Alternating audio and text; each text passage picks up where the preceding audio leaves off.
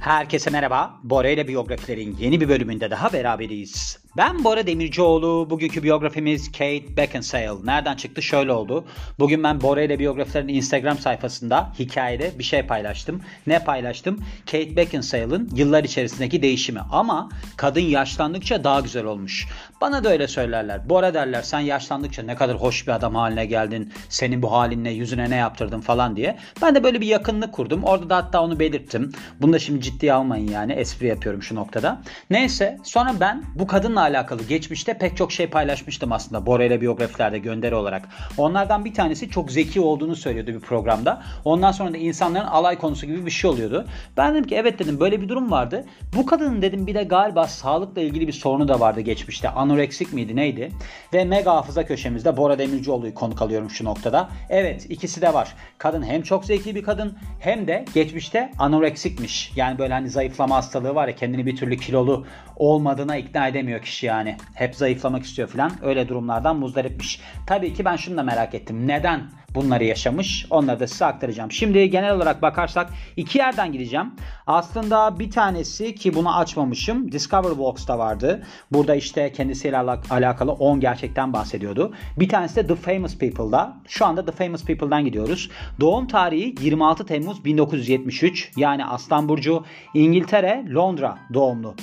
Kendisinin anne ve babasının ikisi de aktörmüş. Yani böyle bir şeye maruz kalmış. Hatta bu Discover Vox'ta neden oyuncu olmak istediğini böyle anlatıyordu. Diyordu ki ben okulda okurken arkadaşlarımın anne babasına bakıyordum. Bir de kendi anne babama bakıyordum. Orada anladım ki benim anne babam onların anne babasından çok daha mutlu. Onun için ben de oyunculuk yapmaya karar verdim demiş. Hatta babası da çok erken yaşta hayata veda ediyor. 31 yaşında galiba. Kate Beckinsale o daha 5 yaşındayken hayata veda etmiş babası. Ondan sonra zaten işte annesi başka bir adamla evleniyor. İşte bu adamın hali hazırda galiba 5 tane çocuğu falan var. Bu kadın işte gidiyor eve. Birazdan bahsederim yani. Böyle durumları var yani. Oxford Üniversitesi'nde son derece parlak bir öğrenci. Ancak okulu bırakıyor. Onu da söyleyeyim. Ve ilk çıkışını filmde Much Ado About, about Nothing ile yapıyor. Şöyle kuru gürültü bunun Türkçesi William Shakespeare'in oyun uyarlaması aslında. Buradaki performansıyla aslında çok böyle eleştirel yönden takdir topluyor. İzleyici de çok beğeniyor. Sonrasında da BBC'nin televizyon komedi filmi Called Comfort Farm'da yer almış. Sonrasında işte birkaç tane daha filmde oynuyor. Ardından da Hollywood'daki büyük çıkışını gerçekleştirmek için Amerika'ya yerleşiyor. The Last Days of Disco'daki beğeni toplayan rolüyle aslında hani dikkati çekmeyi başarıyor. Sonunda da çıkışı Pearl Harbor'daki rolüyle sağlıyor. Burada Ben Affleck'le beraber başrolü paylaşıyorlar. Kısa süre sonra da Underworld serisinde yer almaya başlıyor. Bu da eşi tarafından yönetilmiş. Bu kadın galiba bu adamdan sonra ayrıldı diye hatırlıyorum. Bilmiyorum belki de evlidir. Şimdi yalan da söylemeyeyim ilişkilerini bozmak istemem yani. Sonra başka bir şey var mı? Daha fazla bilgi için demiş. Aşağı doğru kaydırın. Also known as yani olarak da bilinir. Catherine Romani Beckinsale. Sonra boyu 1.70. İdeal kadın boyunda. Tebrik ediyorum kendisini. İdeal erkek boyu biliyorsunuz 1.80. Bora Demircioğlu, Jim Morrison, Brad Pitt gibi ünlüler paylaşır bunu. Başka bir şey ve işte okuduğu okul Oxford. Çok zeki kadın gerçekten de. Yani Rosamund Pike da mesela öyle bir kadın. O da Oxford mezunuydu galiba. Böyle zaten baktığınızda bazı insanlara zeki olduğunu anlayabiliyorsunuz. Mesela Rosamund Pike'ın baktığımda o Gone Girl'da falan oradan hatırlarsınız yani. Zeka fışkırıyor kadının suratından. Yani gözlerinden. Suratından tamamen fışkırmıyor da gözlerinden fışkırıyor. Çocukluğuna geliyoruz. İşte Londra, İngiltere'de dünyaya geliyor. Richard Beckinsale ve Judy Lowe'nin kızı olarak dünyaya geliyor ki ikisi de bu anne babasının aslında aktörler. Babasını erken yaşta 5 yaşındayken kaybediyor. Ardından da annesi başka bir adamla ilişki yaşamaya başlayıp evleniyor. Burada başka bir şey yok diye hatırlıyorum ben. Onun için şeye geçeceğim burada. Hani demin dedim ya bir tane kendisiyle alakalı 10 gerçek kısmı bulmuştum. Ona geçeyim. İşte burada diyor ki oyunculuk kanında var. Yani şey yapmak istemiyorum bunu tekrar anlatmak istemiyorum. Babasını erken yaşta kaybediyor. Ondan demin bahsetmiştim. Sonra anoreksiyadan aslında çok çekiyor. Başına dedim yani bir zayıflama hastalığına tutulmuş diye. Şimdi babasını erken yaşta kaybettiği için çok zorlu bir zaman geçiyor. 5 yaşındayken babasını kaybediyor Beckinsale ve işte 9 yaşında da annesi başka bir adamla yaşamaya başlıyor. Aslında burada 5 tane daha çocuk varmış. Yani üvey babasının 5 tane çocuğu varmış ve bunlardan 4'ü de erkekmiş.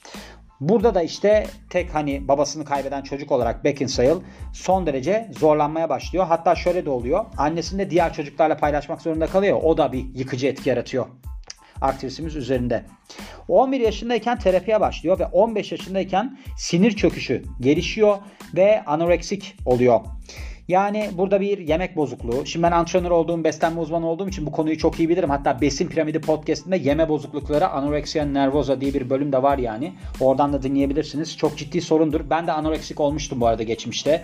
59 kiloya falan inmiştim. Hatta doktora gitmiştik. Şey demişti doktor. Hep bu kadar zayıf mısındır? Ben de cevap olarak şunu demiştim. Zaten daha fazla zayıflamıyorum. Adam da demişti ki zaten daha fazla zayıflayabileceğim bir şey kalmamış vücudunda. Bundan sonra kemikten vermen lazım gibi bir espri yapmıştı. Kahkahalar havalarda uçuşmuştu.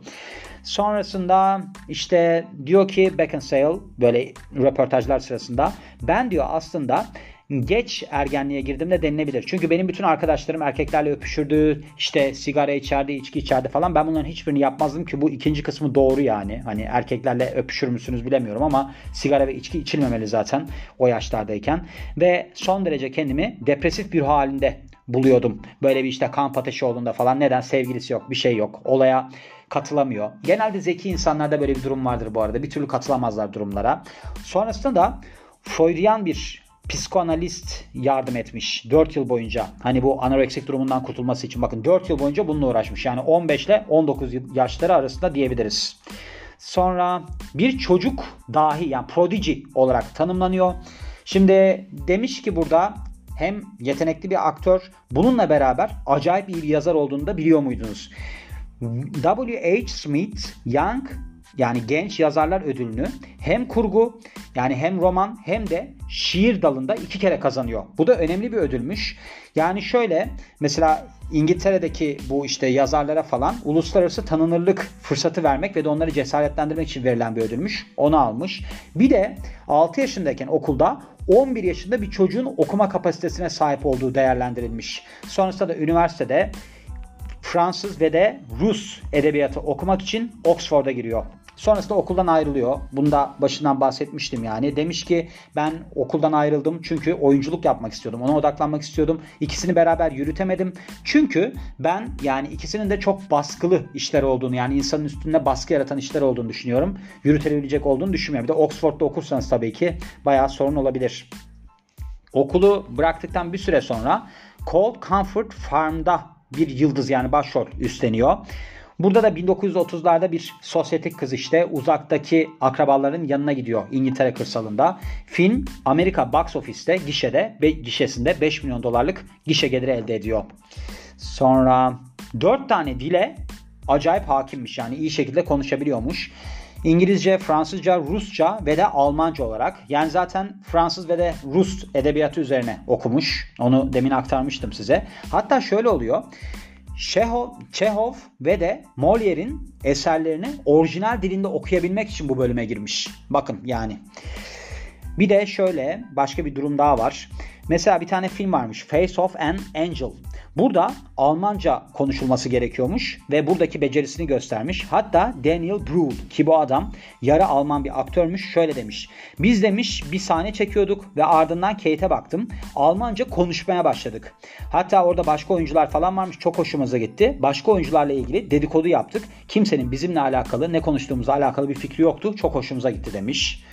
Yani o kadar konuşabilecek kadar biliyormuş. Ben mesela 7 sene Almanca okudum. Yani şu anda bir 6 ay eğitim görsem evet başarılı olurum ama öyle bir kapasitem olduğuna inanmıyorum. Hani ben gideceğim de mesela birdenbire şak şak konuşacağım. Hiç zannetmiyorum.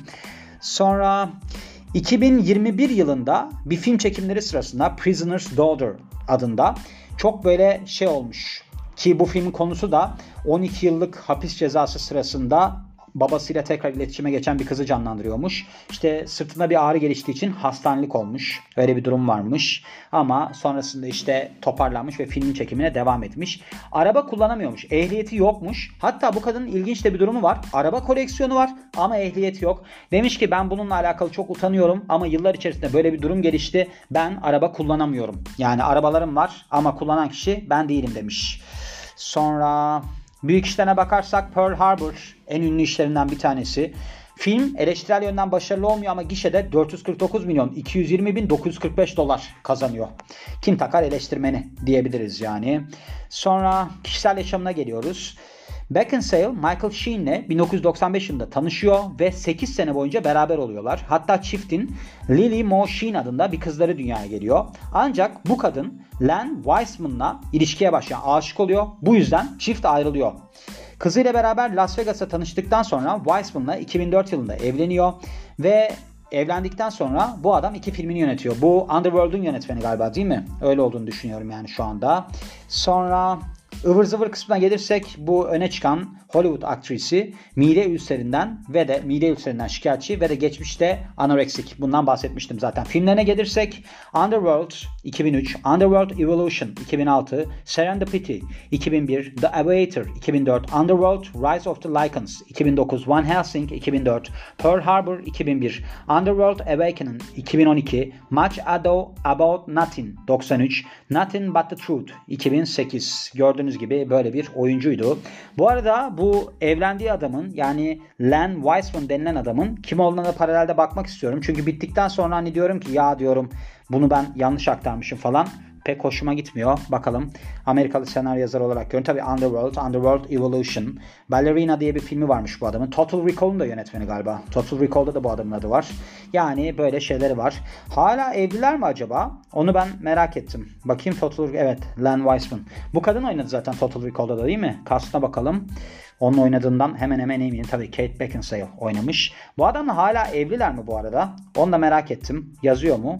2000 hayır ayrılmışlar işte. Bakın ben size söylemiştim. 2004-2019 yıllar arasında evliymiş. Her şeyi biliyor bu kardeşiniz. Gerçekten ekledim. Hoşuma gitmişti. Yani böyle zeki insanları, tutkulu insanları, kendine dikkat eden insanları eklemek istiyorum. Onun için de ekledim. Buradan biz de herhalde diyorum böyle bir esinleniriz falan diyerek bu biyografinin de sonuna geliyorum. Beni dinlediğiniz için çok teşekkür ederim. Ben Bora Demircioğlu. Yeni biyografide görüşmek üzere. Hoşçakalın.